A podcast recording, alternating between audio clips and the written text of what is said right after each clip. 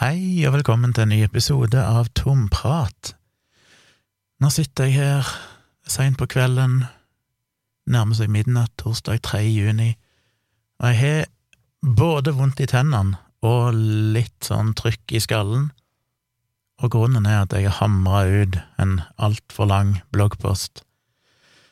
Jeg eh, jobba noen timer, og så fikk jeg plutselig en melding på Messenger på Facebook fra en som sa hei, har du sjekket ut denne podkastepisoden? Og den måtte jeg sjekke ut, og det var en eh, podkastepisode som i utgangspunktet så litt sånn anonym ut, men hadde tittelen Mikrobiolog advarer mot mRNA-injeksjoner og bruk av PCR-tester. Og Den varte bare i 20 minutter, så tenkte jeg ok, la meg høre han. Og det var jo en interessant affære, og det inspirerte meg til å skrive en debunking av alle påstandene der, som ble en fryktelig lang episode, og som tok meg mange timer. Så først jobba jeg i noen timer, og så har jeg sittet etterpå og bare researcha og skrevet i et rom som er litt sånn trykkende luft, og jeg har vondt i tennene fordi jeg sitter og tygger og tygger på penn mens jeg skriver. Sånn er det når jeg slutter med e-sigarett. Så sitter jeg og tygger og tygger. Jeg merker jo ikke det sjøl, men jeg satt og tygde i noen timer, endelig var ferdig og hadde posta bloggposten og skulle få meg noe mat, så merker jeg at det var vondt i tennene når jeg skulle tygge maten, så vet ikke hva som er mest usunt, tygge penn eller røyke e-sigg. Men det betyr jo at jeg ikke har fått researcha en egen podkastepisode. Jeg hadde jo en liten plan for dagens episode, men uh, det krever igjen litt research, og det orker jeg ikke nå. Nå har jeg brukt hele dagen på denne bloggposten. Sånn er det når en har en dayjob og samtidig skal prøve å lage både podkast og uh, iblant få skrevet noe, så er det ikke nok timer i døgnet. Så i dag jukser jeg litt. Jeg uh, skal rett ta for meg bloggposten i denne episoden av Tomprat. Så håper jeg jo at dere finner det interessant nok. Det er ikke alle som liker å lese lange tekster, og da er det jo kanskje bedre å, å kunne høre noen fortelle det. Så jeg skal ikke lese den, men jeg skal prøve å gjengi det som står der. Så hva er greia? Jo, det er en podkast som heter Faktisk, og som jeg nevnte tidligere i denne podkasten, så er det jo òg Instagram-kontoer som heter Faktisk ikke, for eksempel. Det ser ut til å være veldig gøy å spille på navnet faktisk.no, fordi den sida er jo ikke veldig populær blant vaksinemotstandere, covid-fornektere og konspirasjonsteoretikere, fordi fakta er vondt å svelge, og det er mye lettere å bare si at ja, faktisk er bare Det stoler vi ikke på, heller enn å faktisk måtte forholde seg til at en tar feil. Så han har jo da selvfølgelig laga en podkast som heter Faktisk, og i podkasten så står det bare at det er Jarl Rune som står bak. Var litt usikker på om det var et ekte navn eller et pseudonym, men etter å googla litt, så oppdaga jeg jo at Jarl Rune heter Jarl Rune Rosensverd, og han er jo aktiv medlem, eller med, i den gruppa som kaller seg for Røde luer, som jo er de som blant annet står og protesterer foran Stortinget mot eh, smitteverntiltak og basically består av vaksinemotstandere og covid-fornektere. Han har da intervjua ei som han presenterer som mikrobiolog, som heter Runi Rogers, eller Runi Rogers, som da jeg googla navnet hennes, for det er jo ikke noen kilde eller lenke med podkasten som jeg kunne finne, så en må bare ta og finne alt sjøl når en sitter og hører på, det er jo det som tar tid. Det er sånn vage referanser til en eller annen japansk studie, og så er det sånn, ok, hvor kan jeg lese den studien? Men jeg tror jeg fant alle til slutt. Etter å bare google noen stikkord og sånt, så tror jeg jeg klarte å finne de påståtte de kildene som de brukte som grunnlag. Eh, Runi Rogers, hun er da altså en eh, mikrobiolog, visstnok. Eller det er hun vel. Har iallfall vært. Hun må være ganske gammel, for hun var ferdig utdanna i 1971, altså 50 år siden. Da var hun ferdig med det som kalles for en bachelor i science Eh, ser ut til at hun studerte fem år. Hvis LinkedIn-profilen er riktig, så kanskje det tilsvarer en, en slags master i dag. Hun jobba litt forskjellige plasser, men eh, de siste årene har hun jobba i et eh, dansk legemiddelselskap som heter Xelia, Celia Pharmaceuticals. og der har hun tittelen Senior Technician. I min aller første versjon av bloggposten så skrev jeg det, men etter jeg hadde posta den, så var det noen som påpekte at når de googla henne litt mer, så fant de at uh, hun så ut nå ut til å jobbe som sekretær i en misjonsorganisasjon som heter New Life Mission Aid. Så en time etter jeg hadde posta bloggposten, så oppdaterte jeg den med den informasjonen, så det står der nå. Så ifølge LinkedIn så jobber hun fortsatt i Selja Pharmaceuticals, men hun må jo være sannsynligvis 70 pluss år gammel, så det er vel sannsynlig at hun har gått av med pensjon og nå kanskje jobber som ja, ansatt eller frivillig som sekretær i denne misjonsorganisasjonen. Så det er vel det hun teknisk sett er i dag, selv om det sier de selvfølgelig ikke i podkasten, der blir hun bare presentert som en mikrobiolog som har mer enn 30 års erfaring innen forskning. Innledningsvis i podkasten så skal de jo snakke om, som tittelen sier, at mRNA-vaksiner er farlige, at denne mikrobiologen Runi Rogers advarer mot dem. Eh, Podkastverten Jarl Rune Rosensverd han vil ikke kalle det for vaksine, han kaller det for mRNA-injeksjoner. Fordi, som dere sikkert har hørt dere òg i forskjellige sammenhenger, at vaksinemotstandere er jo ikke veldig glad i å kalle de nye covid-vaksinene for vaksiner, fordi de mener at det er en, eh, en helt ny teknologi som ikke kan kalles vaksiner. Som jo er fullstendig uten mening, for det er ikke noen definisjon på hva en vaksine er, hvordan den skal være. Eh, det er jo basically et legemiddel eller et stoff du sprøyter inn i kroppen, som regel sprøyter inn. En kan vi kalle tabletter òg. Hvis du tar tabletter mot eh, allergi, så er jo det òg en slags vaksine. Men normalt så er det jo injeksjoner for å trigge en immunrespons, som da gjør deg forberedt på den dagen du eventuelt blir smitta av dette viruset eller bakterien, sånn at kroppen står klar til å bekjempe den. Eh, dette vet dere jo, men jeg har skrevet litt mer om det i bloggposten hvis noen trenger å lese mer om hvordan vaksinene virker, eller mer spesifikt hvordan mRNA-vaksinene virker. Så det er jo definitivt vaksiner, men det er jo et sånn retorisk grep for å få det til å høres litt ekstra skummelt ut, at dette er ikke egentlig vaksiner. Og underforstått så er det jo sånn at vanlige vaksiner, de er vi positive til. Det er de jo selvfølgelig ikke, de er jo stort sett mot alle vaksiner, men de klarer jo det liksom det er jo det de er veldig glad i, disse folkene, det er å fremstille det som at de egentlig ikke er vaksinemotstandere, men så er det bare én vaksine de er mot, påstår de, den som er i media og som er aktuell, men med en gang du begynner å gå de litt i sømmene, så ser du at de basically er motstandere av alle vaksiner. Så han kaller det for mRNA-injeksjoner, og det skriver jeg jo litt om. Så påpeker jeg jo òg at eh, på en måte tradisjonelle vaksiner er jo da gjerne virus eller bakterier som er enten levende og svekka, eller de er drept. Eh, så injiserer en dem, og så, ja, så blir de gjenkjent av immunforsvaret. Men siden de er svekka eller drept, så kan de ikke skape sykdom, men immunforsvaret lærer å kjenne det igjen, og kan da være rusta til en fremtidig reell infeksjon. Men vi har jo andre vaksiner allerede, vi har jo blant annet hepatitt B-vaksinen og HPV-vaksinen, som ikke er basert på den teknologien, de bruker jo det som kalles VLP, eller viruslignende partikler, som heller ikke er hele virus. Så det vet jeg, kaller de det òg for eh, uekte vaksiner, jeg vet ikke. Eh, de har jo vært brukt i over ti år, jeg er litt usikker på når hepatitt B-vaksinen kom i bruk, men HPV-vaksinen har jo vært brukt i over ti år, og har jo vist seg å være særdeles trygg og særdeles effektiv. Så hvorfor skal vi ikke kalle det for vaksiner, bare fordi det ikke baserer seg på gammel teknologi, er jo veldig merkelig. Men det er jo selvfølgelig bare et retorisk grep de bruker for å få det til å høres litt ekstra skummelt ut, ikke noe som egentlig er basert på vitenskap. Så går jeg gjennom disse påstandene fra Runi Rogers, og jeg fant 15 eh, påstander. Det er jo egentlig noen underpåstander sånn òg, men 15 hovedpåstander som jeg valgte å ta for meg. Um, altså, så jeg kan ikke gå gjennom alt her, men hun sier jo selvfølgelig at disse mRNA-vaksinene er et eksperimentelt preparat som ikke er ferdig utprøvd, og det er jo feil.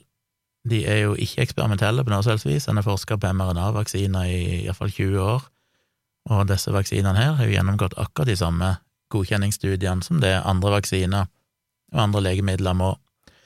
Det eneste er jo at de har fått en såkalt betinga godkjenning, de er ikke ordinært godkjent ennå. Moderna har jo akkurat nå søkt om eh, ordinær godkjenning, men så langt er de, disse vaksinene som er i bruk, bare en betinga godkjenning. Og en del eh, kritikere av vaksiner og rene vaksinemotstandere har jo hevda at vaksinen ikke er godkjent. De tolker det som at den ikke er godkjent. Og dette snakket jeg litt om i en livestream, tror jeg, tidligere, men forskjellen på en betinga godkjenning og en ordinær godkjenning er jo ikke forskningen som ligger bak. Nå som Moderna har søkt om ordinær godkjenning, så gjennomfører ikke de en ny fase tre-studie for å teste effekt og trygghet. Den er de allerede gjort, den ble gjort i 2020 og la grunnlaget for at de fikk betinga godkjenning. Den store forskjellen er egentlig bare at du kan gi en betinga godkjenning etter at du har to måneder med sikkerhetsdata, og mens en ordinær godkjenning krever minst seks måneder med sikkerhetsdata. Så i en pandemi så kan du tolerere litt kortere sikkerhetsdata, eh, litt kortere eh, tid med sikkerhetsdata fordi det haster, naturlig nok. Men når de nå søker om eh, ordinær godkjenning, så er det altså ikke gjennomført noen ny forskning, det er bare at de har litt mer, litt mer langtidsdata å vise til. Men det er jo ikke endra bilde, det er jo ikke dukka opp noen bivirkninger alvorlig ukjente bivirkninger i løpet av de seks månedene som ikke han allerede visste om etter to måneder, som primært kun da gjelder anafalyktisk sjokk, som er potensielt sett farlig, altså en allergisk reaksjon, men som i alle tilfeller har gått bra så lenge en sitter og venter i 15-20-30 minutter etter vaksinen, og en kan da få helsehjelp hvis det skjer, for hvis det skjer, så skjer det i løpet av noen få minutter etter at du har fått vaksinen. Det er ikke noe som skjer dagevis eller ukevis eller månedsvis seinere. Det skjer alltid umiddelbart. Så det er på ingen slags måte eksperimentelle vaksiner. Dette er godkjente vaksiner, de er vist å være veldig effektive og veldig trygge. Um, så påpeker jo det at det de egentlig viser til her, er jo, for det er jo snakk om Horuni, det er jo dette her med at vi vet jo ikke langtidseffektene. Og det, det er jo det evige mantraet vi hører, enten det er folk som er redde for mobilstråling, eller de er redde for aspartam, eller de er redde for vaksiner, så er det alltid dette med at ja, men vi er ikke langtidsdata nok. Men du vil aldri få nok langtidsdata for disse folkene. Vi har hatt mobilstråling i over 20 år nå. For ti år siden så mente de at vi måtte ha 20 år med data. Nå har vi 20 år med data, og vi finner fortsatt ingen skadelige effekter, men nå vil de jo selvfølgelig ha mer data. Det kommer jo til et punkt der folk rekker å dø en naturlig død, for du kan finne noe skade av disse tingene, og likevel vil du vel ikke være fornøyd. Så ja, en kan alltid si at selvfølgelig skulle vi gjerne ha ti års sikkerhetsdata på alle legemidler, men så lenge de legemidlene og vaksinene er der for å beskytte folk, så er det usedvanlig usannsynlig at skaden ved vaksinene eller legemidlene vil være større enn det, eh, det de beskyttes mot, er skaden for det de beskyttes mot. Og det vet vi jo da, vi har jo sannsynligvis ifølge de beste estimatene passert ti millioner covid-dødsfall, og selv i et worst, worst, worst case scenario, så hadde vi ikke hatt ti millioner dødsfall av vaksinene. Så ja, det er ganske åpenbart at vi kan jo selvfølgelig ikke vente i, i mange år. Hun påstår jo at eh, studien på disse vaksinene ikke er ferdig før om to år, og det er teknisk sett korrekt, de følger jo opp de deltakerne som var med i fase tre-studien i fjor høst, følger de opp i to år for å se om det dukker opp noe, men det vi vet, er at rent historisk sett så dukker alle bivirkninger opp innen to måneder. Det er nesten aldri dokumentert om noensinne bivirkninger som har dukket opp etter to måneder. Eh, de aller fleste dukker opp ganske umiddelbart, som sagt, er allergiske reaksjoner. Eh, og så kan det dukke opp ting i løpet av de neste par-tre ukene, og i worst case opp mot to måneder. Men det er ingenting som tyder på at vi kommer til å lære noe nytt hvis vi venter i to år med disse vaksinene. Så det eneste tilfellet jeg kom på, er jo svineinfluensavaksinen. Der dukker jo symptomene opp eh, Noen opplevde det vel i løpet av to måneder, men hos noen så tok det lengre tid enn det. Det vel det eneste tilfellet jeg kom på der jeg måtte vente lenger enn to måneder. Men nettopp fordi du må vente så lenge, så vet vi jo at bivirkningen vil være så sjelden at fordelen med vaksinen er større enn ulempen, og i dette tilfellet så vet vi jo at en såpass sjelden bivirkning som det, uten tvil, vil være å foretrekke framfor risikoen ved å få covid-19. Men dette er jo skrevet og snakka mye om tidligere, disse regnestykkene. Um, ja. Punkt nummer to hun sier at i dyrestudier døde dyrene da de ble vaksinert med mRNA-vaksiner. Dette er jo en påstand jeg har hørt mange ganger det siste året, eller iallfall det siste halvåret. Folk påstår at uh, i tidlige versjoner av mRNA-vaksinene så døde forsøksdyrene. De døde fordi de ble vaksinert, og så seinere ble de utsatt for det faktiske viruset, og da opplevde de det som jeg kommer tilbake til seinere, men som i noen tilfeller ble kalt en cytokinstorm, som da er basically at immunforsvaret går bananas og angriper kroppen, og så dør de. Og det sier Runi Rogers òg. Hun sier at å, disse dyreforsøkene var ikke så veldig heldige, for der døde dyrene. Det er jo rett og slett feil, men det er en påstand som blir gjentatt gang på gang. Når du går tilbake til de studiene de henviser til, så døde ikke dyrene. De ble riktignok avliva seinere, som er vanlig, at rotter og mus blir avliva etterpå fordi en skal undersøke eh, ja, utføre en biopsi på de og sjekke men eh, Eller en biopsi, hva heter det? Obduksjon, heter det vel. Eh, for å sjekke effekter, men de døde ikke. De så ut til å utvikle i den ene studien noe som kan ha vært en slags autoimmun sykdom, eh, og derfor så ble jo de vaksinene ikke regna som vellykka, og derfor er de ikke i bruk. Men det var heller ikke mRNA-vaksiner, og det var en teknologi som var helt annerledes enn den de vaksinene vi bruker i dag. Så ikke bare er den påstanden feil, dyrene døde ikke av vaksinen, men i tillegg så har det ingenting med de vaksinene vi bruker i dag å gjøre, nettopp fordi de studiene på dyr ikke var vellykka den gang, tilbake i 2012 og 2016, så ble jo ikke de vaksinene godkjent. Så det er en totalt irrelevant påstand. Men så går hun videre til å si at mRNA-vaksinen er jo ikke testa på dyr i det hele tatt.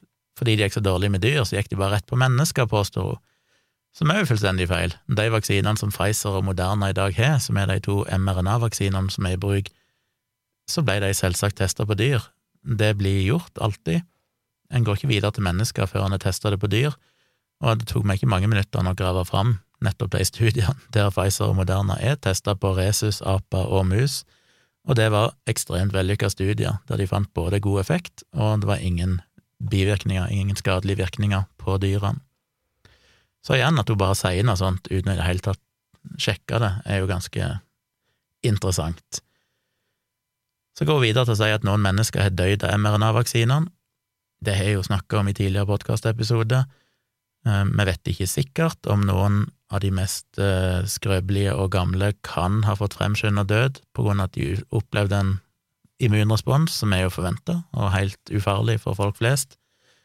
Men hvis du er ekstremt skrøpelig og bare har uker eller i beste fall måneder igjen å leve, så kan det være det som sammen med andre ting tipper deg over skalaen, sånn at du kreperer.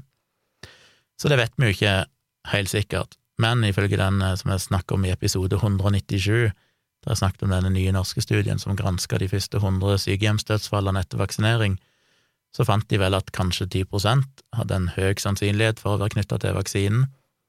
Igjen, ikke fordi det var noe farlig stoff i vaksinen som tok liv, men fordi den forventa naturlige immunresponsen kan ha vært litt for hard belastning for veldig skrøpelige og nært eh, terminale pasienter.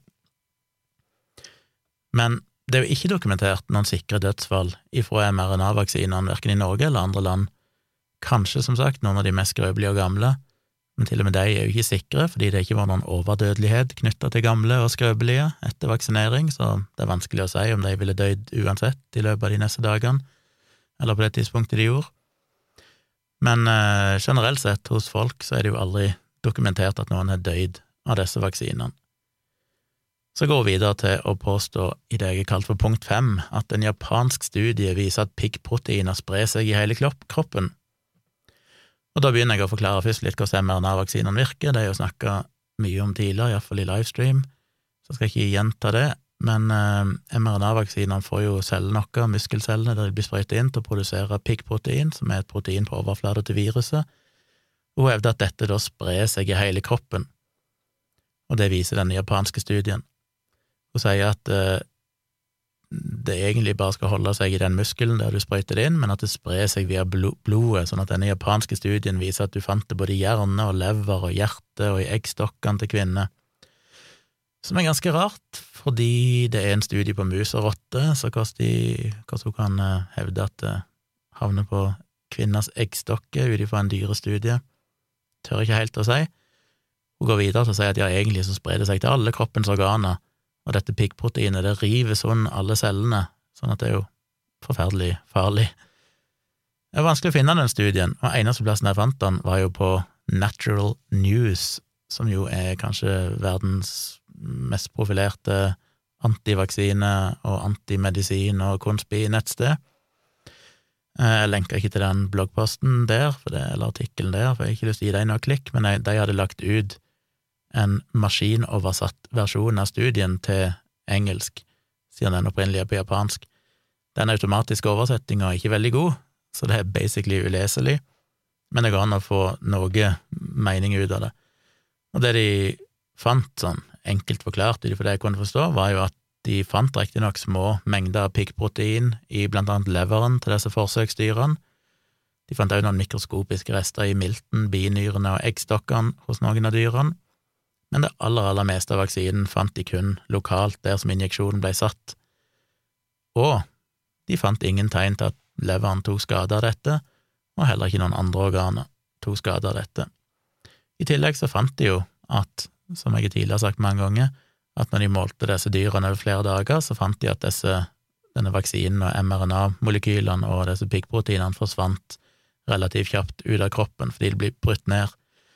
Som er interessant, siden, som vi skal komme tilbake til seinere, så hevder jo Rune i Rogers at disse piggproteinene ender opp med å være i kroppen resten av livet, som er ganske interessant når hun da først viser til en studie som sier nettopp det motsatte, som hun bruker til å underbygge ideen om at disse piggproteinene sprer seg overalt, og etterpå så hevder hun noe som er stikk i strid med studien, men da blir ikke den studien relevant lenger, tydeligvis, så det er jo klassisk, om en skal si det sånn.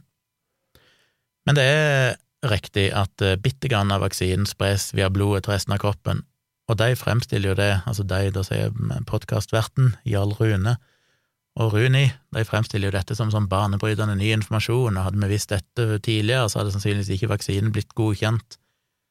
Men dette ble jo skrevet allerede i, i artiklene i godkjenningsstudiene til vaksinen. EMA har jo skrevet om dette i sine, sin informasjon om vaksinen. Vi vet veldig godt at bitte grann, sannsynligvis under en prosent av vaksinen, kan spre seg med blodet, men alt blod i kroppen går jo gjennom leveren, og leveren sin jobb er jo nettopp å bryte ned sånne ukjente, uønska mm, organismer og partikler, og det er jo det som skjer. Leveren bryter det ned, og det meste forsvinner ut med avføringer, og kanskje litt gjennom urin. Så dette er jo ikke noe nytt, og de viser jo, selve studien, den japanske studien sjøl, sier jo at dette er helt ufarlig. Så sånn jeg oppsummerer det, så er det jo ikke en studie på mennesker, informasjonen var godt kjent ifra før, at bitte grann av vaksinen spres med blodet, er ufarlig, og ikke minst så har vi jo nå vaksinert hundrevis av millioner av mennesker med disse vaksinene, uten at vi har sett noe til disse skadelige effektene som hun driver og roper om. Og husk at de første som ble vaksinert, ble vaksinert i slutten av juli i fjor, de som var med i fase tre-studien. Så en del mennesker har jo nesten vært vaksinert i et år nå, og vi har fortsatt ikke sett noe til disse påståtte fryktelig alvorlige bivirkningene. Så det er høyst hypotetisk og ikke basert på noe reell vitenskap, og det gir ikke engang mening rent teoretisk. Men så går vi videre, da, i punkt seks, til å hevde at eh, en in vitro-studie fra Harvard viser nettopp det at mRNA-molekylene kan bli gjort om til DNA i cellen vår. Og det er riktig at uh, ved hjelp av et enzym som heter revers transkriptase, så kan du konvertere mRNA-molekyler til DNA. Hun hevder at uh, dette er vist i den studien, og at disse DNA-molekylene da gikk inn i vårt eget DNA i cellekjernen og ble en permanent del av cellene. Altså, vaksinen modifiserte det menneskelige DNA-et på en måte som gjør at våre egne celler da produserer piggprotein basically resten av livet. Og det er jo bare feil på alle måter. For det første så er jo henta den informasjonen mest sannsynlig fra et nettsted som er antivaksine, selvfølgelig, som er drevet av Robert F. Kennedy jr., som jo er en av verdens mest kjente vaksinemotstandere. Eh, jeg lenker jo i bloggposten til en kort liten video på et par minutter der vaksineeksperten Paul Offit forklarer veldig enkelt og greit hvorfor dette er helt umulig, hvorfor dette ikke kan skje. Men selv om han påstår det, hvis denne studien viste at det skjedde, er det ikke fortsatt en risiko, da?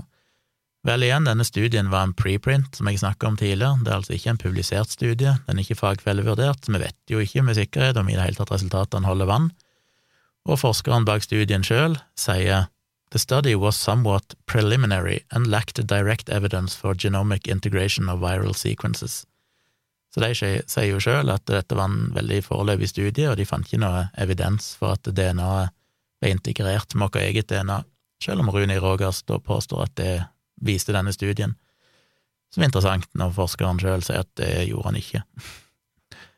um, men hun påstår at våre egne celler vil fortsette å produsere dette. Det gir ingen teoretisk mening, fordi at det de eventuelt viste i den studien, var jo ekstremt kunstige og unaturlige forhold, der de hadde store mengder av dette enzymet som trengs, og disse forholdene finnes ikke i mennesker. Det er ikke sånn at du kan sprøyte inn vaksinen, og så skjer dette, det er jo bare helt fundamentalt umulig. Eh, og igjen så har vi da vaksinert millioner av mennesker med denne vaksinen og ikke sett at dette skjer.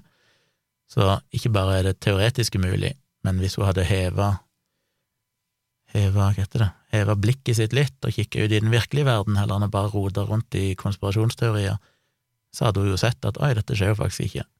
Så tja. Punkt sju. Så kommer vi jo til det som har vært ganske hypa de siste ukene. Eller for noen uker siden så var det mye mas om dette, og det var det at vaksinerte mennesker overfører et eller annet mystisk til sine medmennesker. Og dette mystiske mener jo Runi Rogers er nødt til å være piggprotein.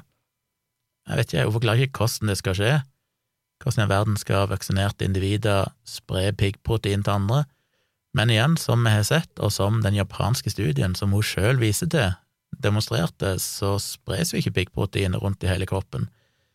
Eneste måten vi kunne spredd det på, for det siver jo ikke bare ut gjennom huden, måtte jo være at det kom inn i lungene og i luftveiene, sånn at vi eventuelt kunne spre det via spytt og slim, men det er altså ikke påvist i noen studier at det skjer. Det er teoretisk særdeles usannsynlig at det skal kunne skje, ettersom basically ingenting av vaksinen eller piggproteinene forlater den muskelen der du setter det. Så det gir jo ingen mening. Og så vet vi jo det at dette, disse stoffene i vaksinen, og både mRNA-molekylene og eventuelt disse piggproteinene, brytes ned i løpet av 24 til 48 timer. Så det er jo ikke sånn at de sirkulerer rundt i i kroppen, så ikke bare er det ikke vist at noen noensinne har smitta andre med piggprotein, eller shedda protein, piggprotein, som de kaller shedding viruses, eller shedding proteins. Ikke bare er det aldri vist at det er skjedd, men det er jo teoretisk umulig. Så går til og med videre til å påstå at det er dokumentert at kvinner som er i nærkontakt med vaksinerte, ender opp med endringer i eggstokkene, og der kommer jo det tilbake som hun påstår den japanske studien viste, at du fikk piggproteiner i eggstokkene, som jo den japanske studien, så vidt jeg kunne se, aldri sa noen ting om.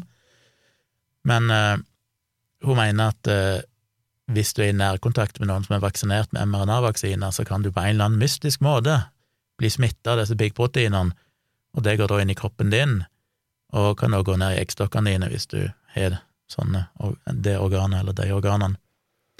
Så hevder at det er eksempler på at eh, små jenter i seks år har begynt med blødninger som om de menstruerer, og kvinner oppe i 70-årene, altså som er eh, passert eh, Hva heter det? Jeg så det stille for meg. Overgangsalderen. På så at de plutselig begynner å ha menstruasjonslignende blødninger igjen. Det finnes det jo ingen dokumentasjon på. Jeg har lest mange artikler om dette. Det er jo muligens blander det med, er at det er noen kvinner som mener at etter de fikk vaksinen, så merker de kanskje litt ekstra kraftige blødninger eller uregelmessigheter i menstruasjonen. Det er heller aldri verifisert, det er ikke helt umulig at det kan skje, men hos alle disse så er det bare vært forbigående, og det er jo helt ufarlig, så om det skulle være reelt, så er det neppe noe å bekymre seg for, men det er altså ikke verifisert. Men det er altså hos de som sjøl er vaksinert, ikke noen som bare bor i samme huset, men noen som er vaksinert eller ei venninne som er vaksinert. Så det gir jo igjen ingen mening. Men det som er interessant, er jo at og dette har jeg jo snakka om før, men hvis vaksinemotstandere er så fryktelig redde for disse piggproteinene og alle skadelige effekter av det, hvorfor sier de samtidig at covid-19 er ufarlig? For det er jo ingen tvil om at hvis du blir smitta av SARS-CoV-2, så vil du jo få ekstremt mye mer virusmateriale, inklusiv både mRNA, eller DNA til viruset, og piggproteinene i kroppen din. Ja, faktisk så mye at det fyller lungene, og du vil hoste det ut og nyse det ut gjennom spytt og slim. Men det, det er altså ikke ufarlig. Men hvis du får det samme piggproteinet i mikroskopiske mengder via mRNA fra en vaksine, så er det plutselig livsfarlig. Spre seg i kroppen, ødelegger organene, smitter til andre. Men de frykter ikke det samme hvis du faktisk ikke vaksinerer deg og dermed blir smitta. Altså, det gir jo ingen mening, men de snakker jo aldri om det. Det virker som de bare håper på at ingen av lytterne eller leseren tenker så langt som at hvis de mener at disse tingene fra vaksinene er farlige, så må det jo være mye farligere å bli smitta av viruset, der du da sannsynligvis får millionervis av ganger mer av disse molekylene i kroppen din som sprer seg overalt. Og det er jo nettopp det en finner, at noen av de bivirkningene som hun hevder her, for eksempel med organsvikt og sånne ting, det er jo ting en har sett hos covid-pasienter. Så hvis du faktisk blir smitta av SARS-CoV-2, så kan du oppleve noen av disse alvorlige bivirkningene. Men det er jo aldri vist ifra vaksinene, nettopp fordi det er så mikroskopiske mengder, og det forsvinner ut av kroppen umiddelbart, omtrent, fordi det ikke er virus. De kan ikke dele seg, det kan ikke bli mer av de enn det du sprøyter inn. Um, og så går hun videre til det mest, mest oppsiktsvekkende påstanden, som er at dette trenger vi ikke engang å tvile på, det hun sier. Vi trenger ikke tvile på at det er sant, fordi Pfizer har sjøl advart om dette. Hun sier sjøl hun leser dokumenter fra Pfizer der de advarer om dette og sier at folk må rapportere bivirkninger hvis de har vært i nær kontakt med noen som er vaksinert. Og så er det jo selvfølgelig ikke det denne rapporten sier det hele tatt. Dette er jo en del av Eh, den studien som ble gjort for å godkjenne vaksinen, altså i fjor høst, eller som ble ferdigstilt i desember, vel, og har vært kjent siden da. Det er ikke noen ting nytt med det, men det de sier, er ikke at du skal være redd for å være i nærheten av noen som er vaksinert. Det de beskriver, er retningslinjer for hvordan det skal rapporteres inn hvis du skal oppleve bivirkninger av å ha vært i kontakt med vaksinen, for eksempel helsepersonell som knuser ei flaske med, med vaksine og får det på huden, eller inhalerer det eller får det i munnen og inntar det oralt og sånn. Hvis noen av de skal oppleve bivirkninger, så vil de selvfølgelig ha det rapportert inn på korrekt vis. De sier ikke at de mistenker at det vil være farlig på noe som vis, men de ønsker å være føre var og få med seg alle mulige risikoaspekter ved dette. Men det er altså ingenting med shedding av piggprotein og sånn å gjøre. Så hun er ikke så veldig flink til å lese, må en jo si.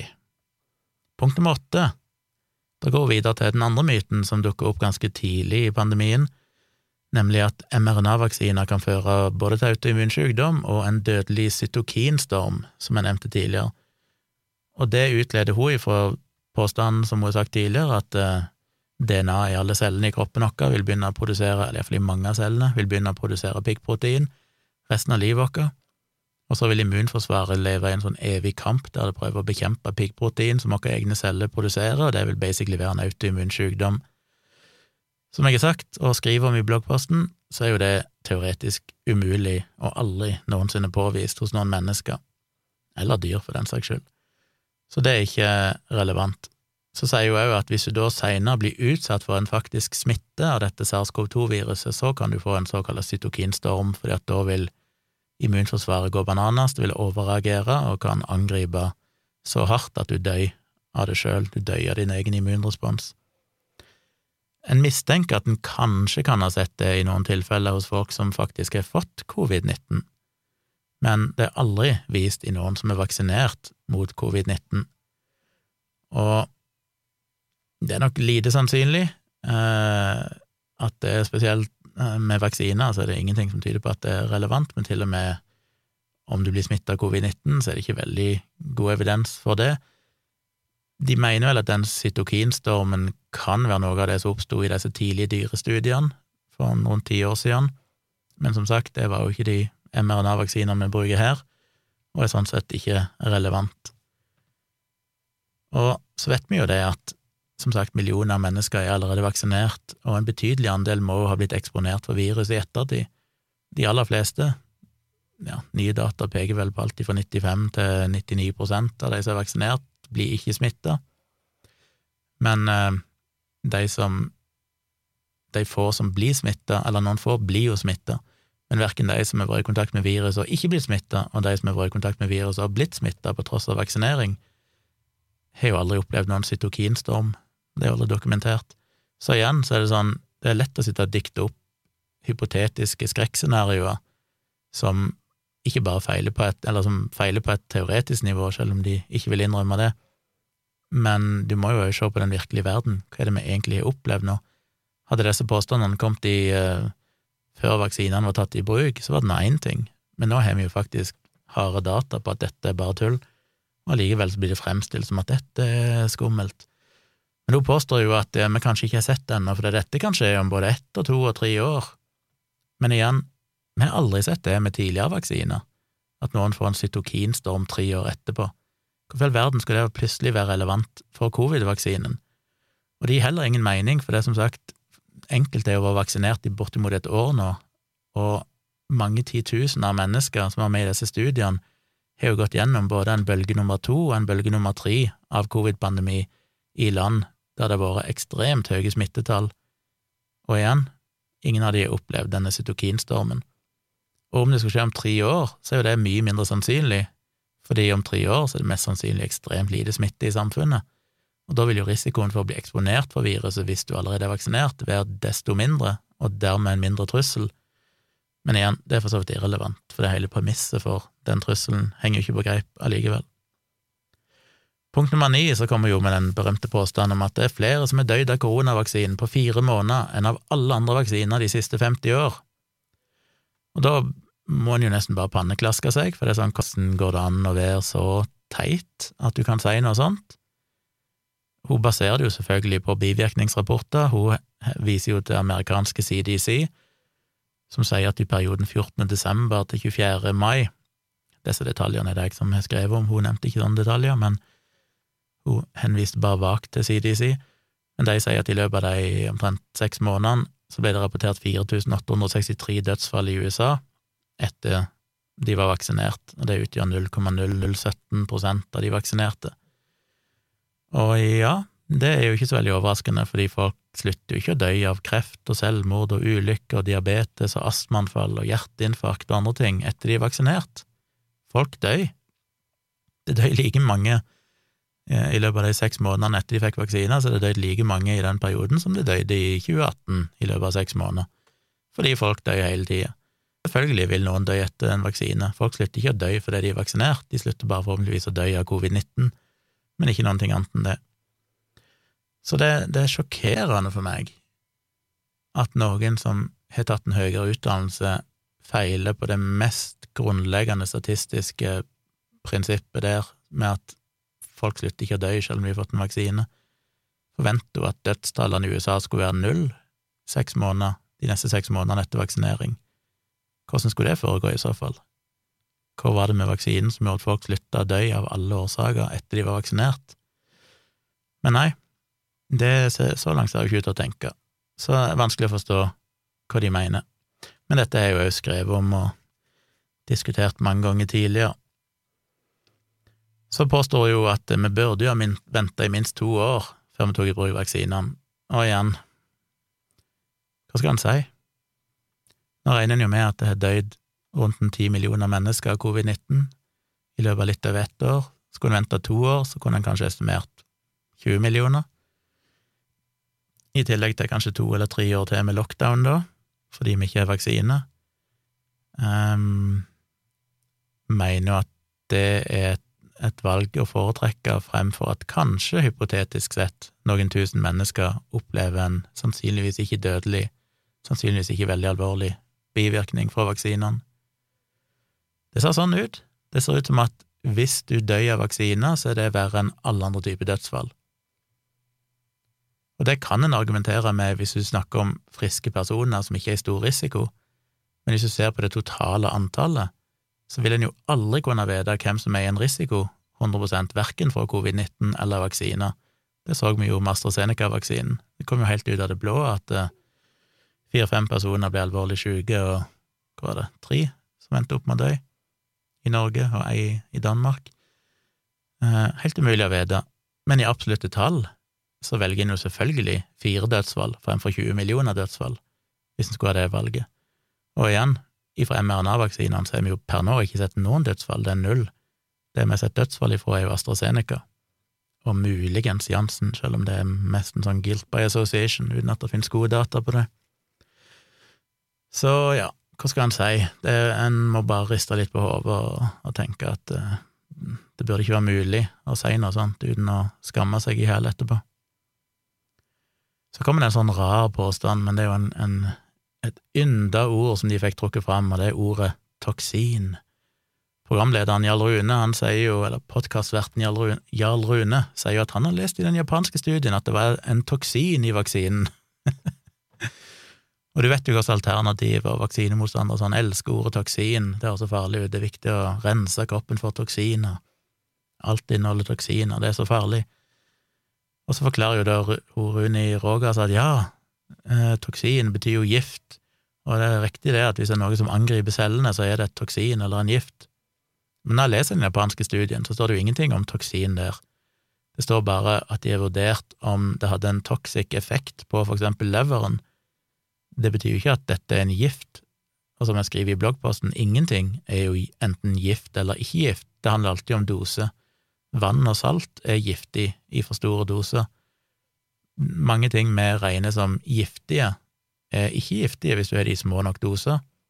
Formaldehyd er giftig, metanol er giftig, men det sirkulerer i kroppen noe hele tida, og du får det i deg når du spiser en banan eller drikker et glass appelsinjuice, men det er så små doser at det ikke er giftig. Så det gir ikke noen mening å snakke om at noe er en gift.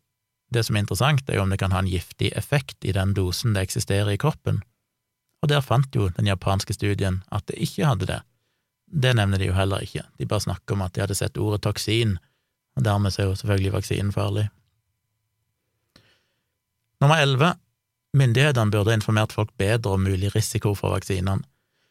Runi Roger sier liksom, begynner å lekse ut om at dette her er noe tungt faglig materiale, og det hun kan forstå at folk flest ikke skjønner dette, men det er nok bare de spesielt interesserte som får med seg hvor farlige disse vaksinene egentlig er men hun mener at myndighetene burde nok ha advart folk bedre og informert folk bedre om all den risikoen som er knytta til vaksinene. Som igjen er litt sånn, hva skal en si, om noe så har en vel vært overivrig etter å rapportere selv den minste hypotetiske bivirkning fra vaksinene i månedsvis nå.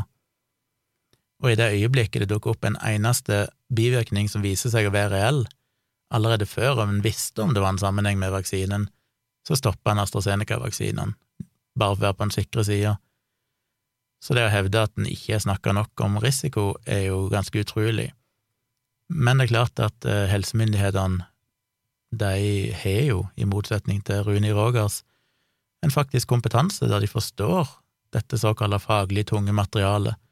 De forstår forskningen. De lar seg ikke lure av falske dokumenter. De lar seg ikke lure av helt uverifiserte anekdotiske påstander fra antivaksinenettsteder.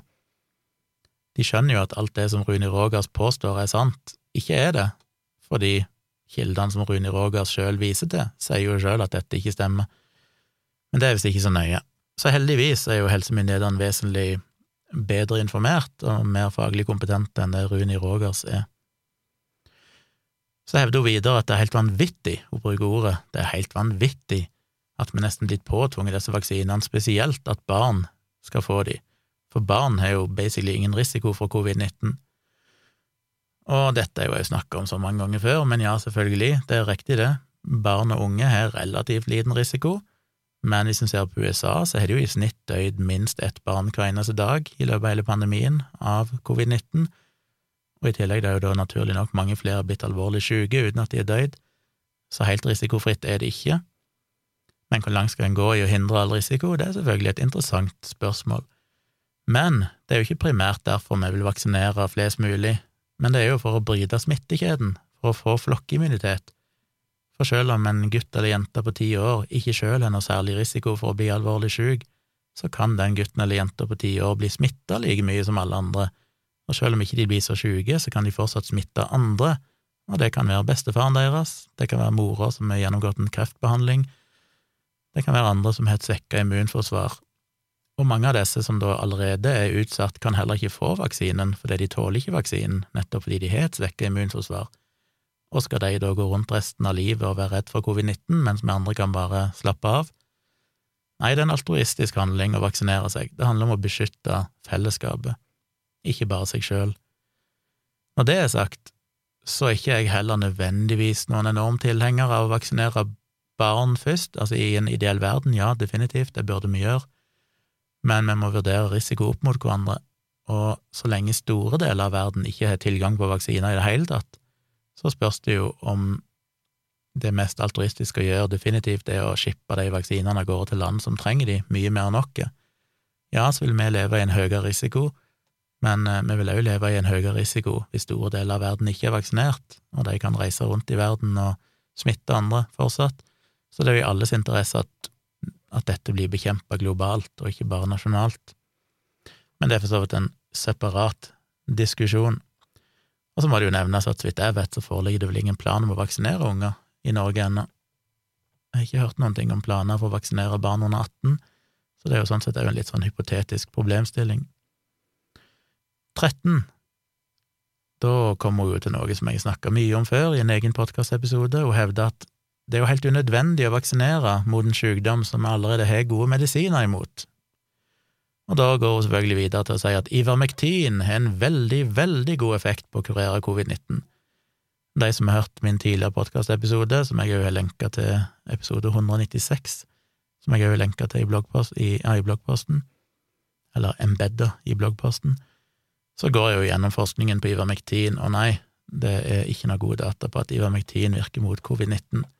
Skal ikke gå inn igjen i alt det, for det har jeg allerede snakka mye om i tidligere podkast, og jeg skriver litt om det i bloggposten. Hun går jo videre til å snakke om eh, hydroksyklorokin, selvfølgelig, og hevder at det blir brukt i mange land i verden for å kurere covid-19. Og det hadde hun kanskje hatt rett i for et år siden, da var det ganske mange land som prøvde ut hydro, hydroksyklorokin, men siden den gang så har stort sett alle slutta med det, fordi de fant at det virka ikke, og det kommer jo mer og mer data på at det ser ut til å kunne gi alvorlige bivirkninger. Så bås og tull. Men så går hun videre, selvfølgelig gjør hun det, til å hevde at tilskudd av sink, vitamin C og vitamin D er en slags vidunderkur mot covid-19. Ja, ikke bare covid-19, men mot det meste.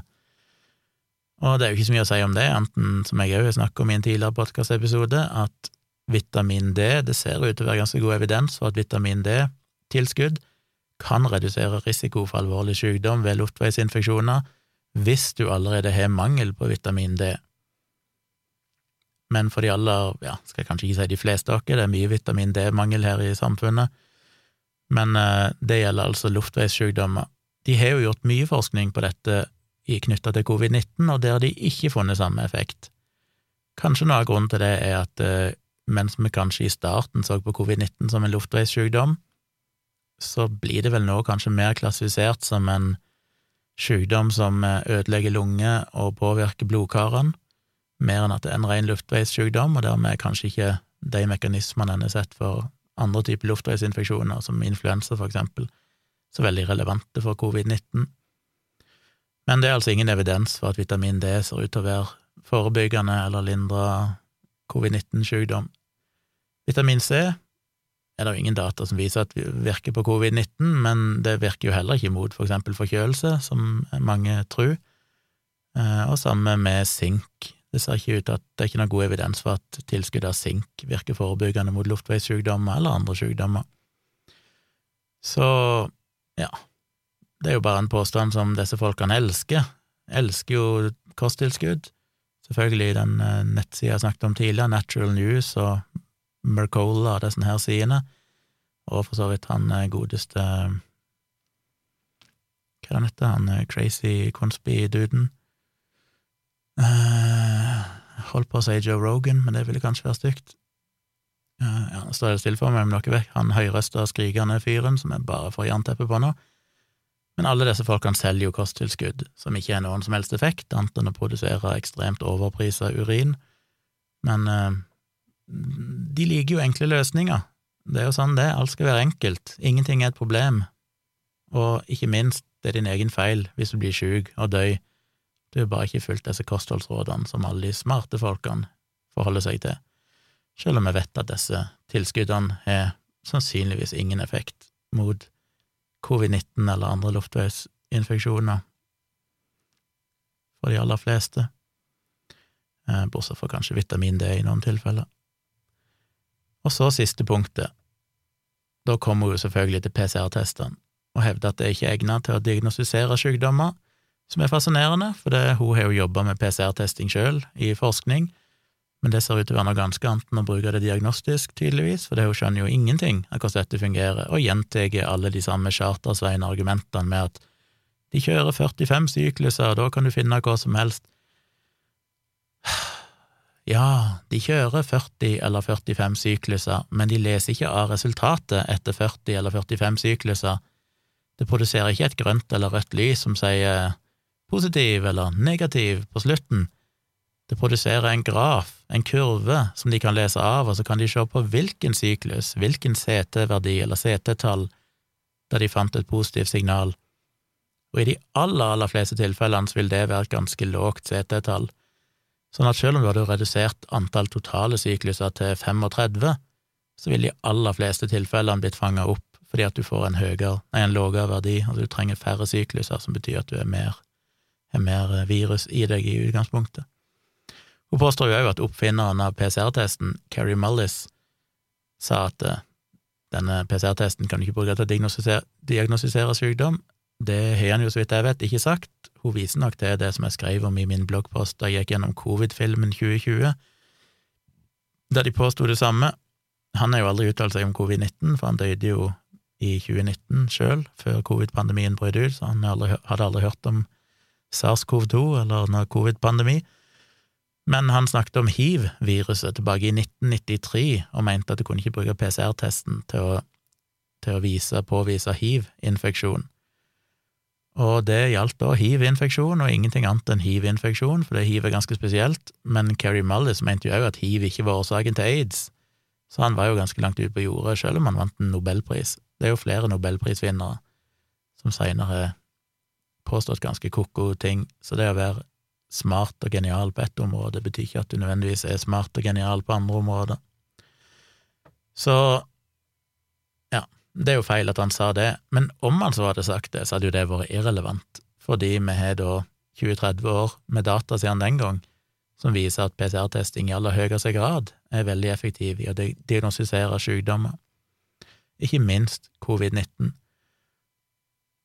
Um, ja, så til at hun påstår at hun hadde, altså Verdens helseorganisasjon gikk ut for en tid tilbake og, liksom, og sa at nå måtte alle kjøre 45 sykluser som jo er bare tull. Hun misforstår Altså, det er en myte som hun har misforstått i å skape en ny myte, en myte om myten. Eh, men det skriver jeg om i bloggposten og med referanse, og det er jo kilder på alle disse tingene jeg skriver om her, selvfølgelig, så dere kan sjekke det ut sjøl.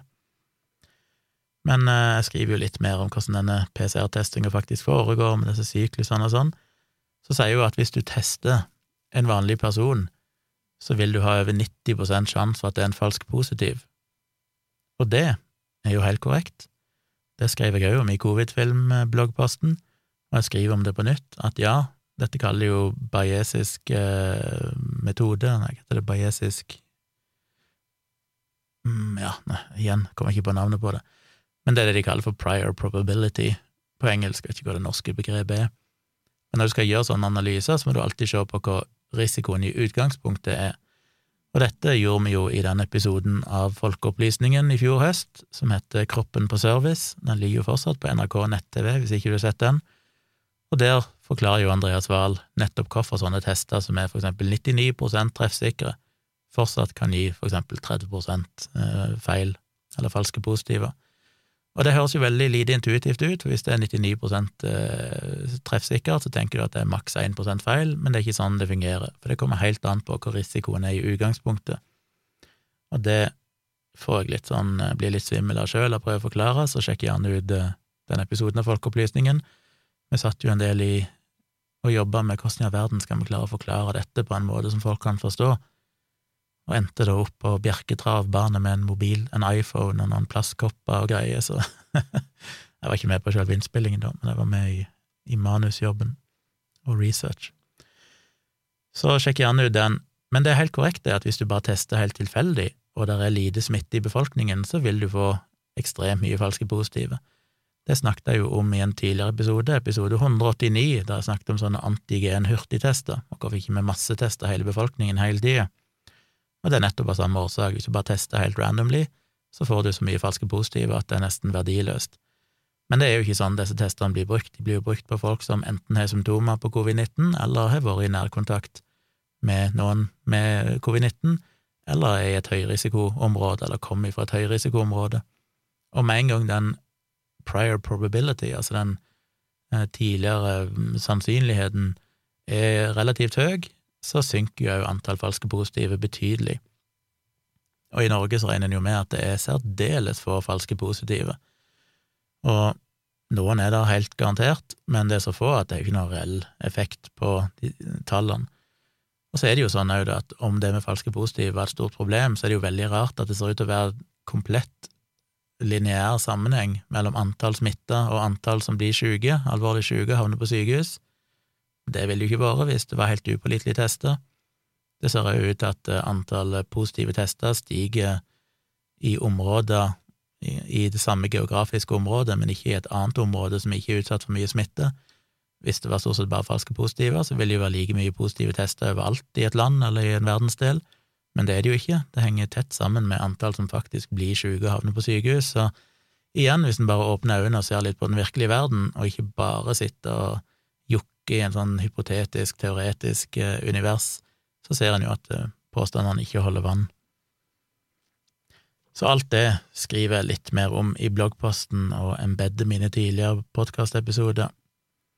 Så jeg konkluderer jo helt til slutt med mitt eh, favoritt eh, ja, favorittsitat, som er The amount of energy necessary to refute bullshit is an order of magnitude bigger than to produce it. Og det er definitivt rett. Det kosta henne 20 minutter i en podkast å produsere så mye piss, mens jeg brukte kanskje Ja, hvor mye jeg har brukt? En eh, seks, sju, timer eller sånn, 28 timer nesten, i å tilbakevise det. Det er krevende, sitte og researche og skrive og formulere seg og få alle kildene på plass og sånn, men uh, it's a dirty job, but somebody's gotta do it. Så hvis du setter pris på det, så igjen, støtt meg gjerne på Patron, det setter jeg pris på. Eller kjøp meg en virtuell kaffe på buymeacoffee.com slash civics, så hjelper det jo meg til å kunne gjøre mer av dette. Skulle gjerne ha produsert flere sånne bloggposter og unike podkastepisoder. Men jeg har en dayjob, og har ikke råd til å bruke dag ut og dag inn på bare sånt, selv om jeg gjerne skulle ha gjort det.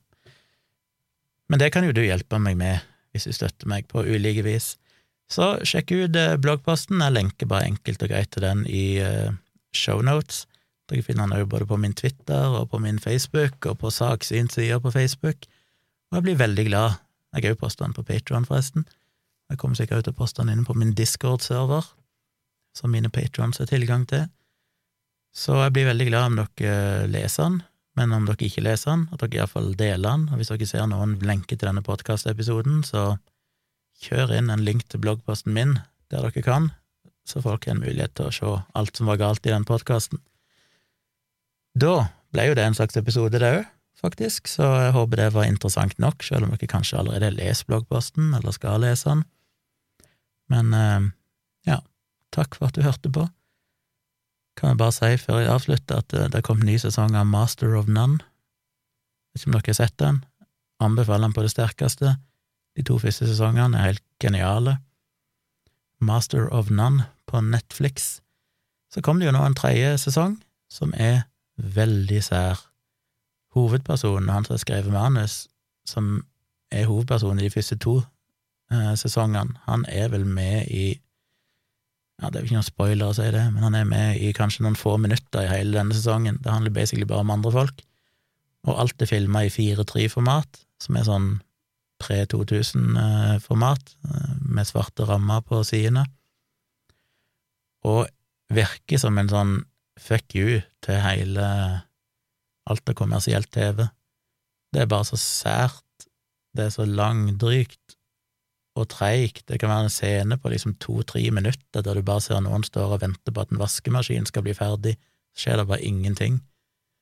Det er, er bare hei, men det er samtidig fantastisk. Så uh, Helt annerledes enn de to første sesongene.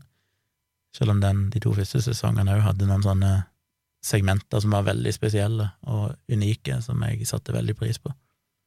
For eksempel da de plutselig inntar perspektivet til en døv person i en sånn ti minutters sekvens i en episode, der de bare kutter all lyd, så det er bare dønn stille, som om noen hadde bare skrudd av høyttaleren i kanskje sånn ti minutter og så plutselig kommer lyden på igjen når du går og skifter over til fokuset til en annen person. Veldig kule grep. Det er vel en episode som er filma helt i svart-hvitt i, i, en av sesongene. Mye rart. Setter veldig pris på den serien. Sjekk ut Master of None på Netflix hvis ikke du har gjort det. Anbefales. Da er jeg ferdig. Så ja, del bloggpost, del podkast. Vi høres igjen på tirsdag, kommer vel neste episode.